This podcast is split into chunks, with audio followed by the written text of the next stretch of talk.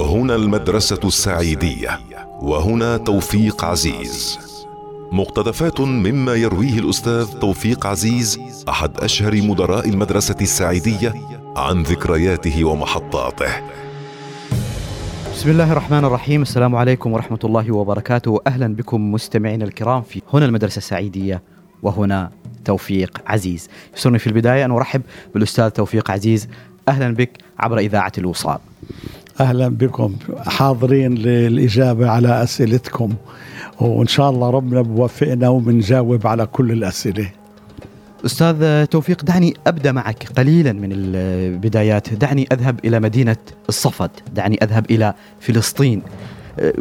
طفولتك في فلسطين الملامح اللي تستحضرها الآن من تلك الأيام؟ آه أنا من مدينة صفد بفلسطين. وصفد للي ما يعرف هي مدينة في الجليل الأعلى من فلسطين في الجليل مش الخليل في الجليل. الجليل الأعلى مكون من صفد والناصرة وحيفا وطبرية. هاي المدن الرئيسية وعكا هاي المدن الرئيسية الموجودة في الجليل الأعلى. وصفد إحدى المدن في الجليل الأعلى. من هناك نشأت وتعلمت وبعدين خرجنا سنة 48 من صفد إلى دمشق سوريا عن طريق لبنان. طبعا مشيا على الأقدام. قبل الذهاب إلى لبنان والعمل أيضا في سوريا لاحقا دعني هنا في هذه المرحلة ما قبل 48 أنت خرجت من من من يعني طلعت من صفد وعمرك 17 سنة. تقريبا. كيف كانت حياة الصفد وال- في, في ذلك الوقت؟ كيف كانت الحياة؟ والله كانت الحياة رائعة لأنه إحنا كنا في بيت إلنا مستقل والبيت له حديقة وفي مي جارية. مياه يعني أنبوب من البلدية.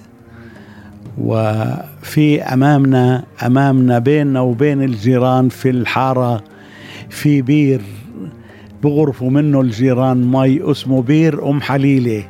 أنا هذا اللي أتذكره.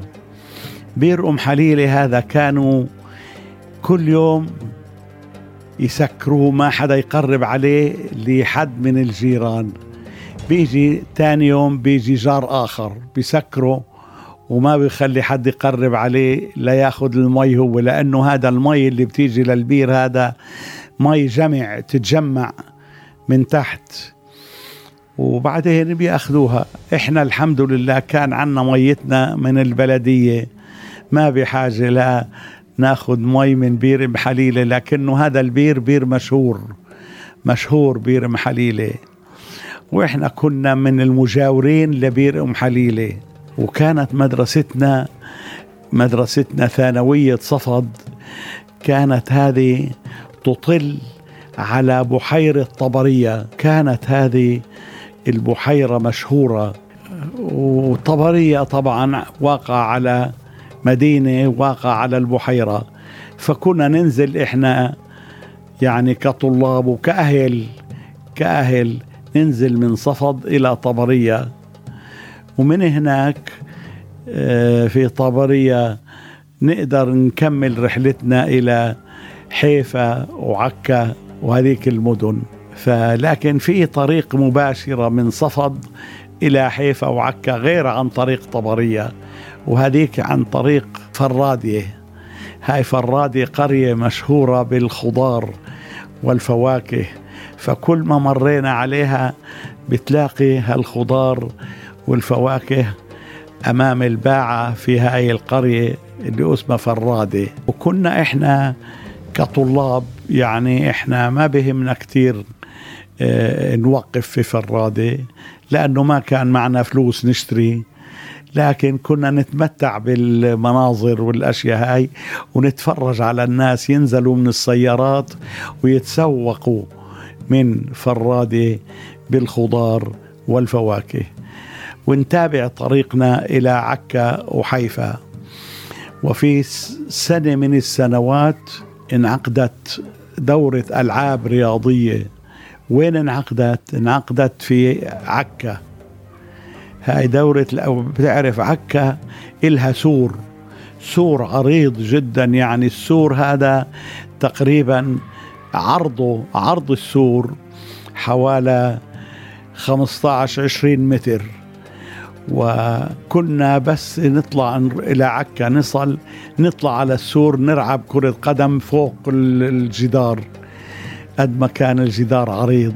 ف كنا نتمتع بدورة الألعاب الأولمبية هذه. كانوا يجوا يعني الطلاب ويتباروا في مختلف الألعاب. في الجري والكرة القدم والباسكتبول والتنس وكله. وأنا بتذكر أنه كنت بفريق كرة القدم وأصبت برجلي ورمت كده وجرح عميق. فتوقفت عن اللعب توقفت عن اللعب وقلت خلص لا أطيب. وبقي هذا إله إلى الآن أثره في رجلي. في ساق الرجل. بعدها آه، راح نسألك عن 1948 والانتقال آه، وبدء الأحداث المفجعة والانتقال آه، من فلسطين وفكرة اللجوء وبداية اللجوء. لكن في الحلقة القادمة من هنا المدرسة السعيدية وهنا توفيق عزيز.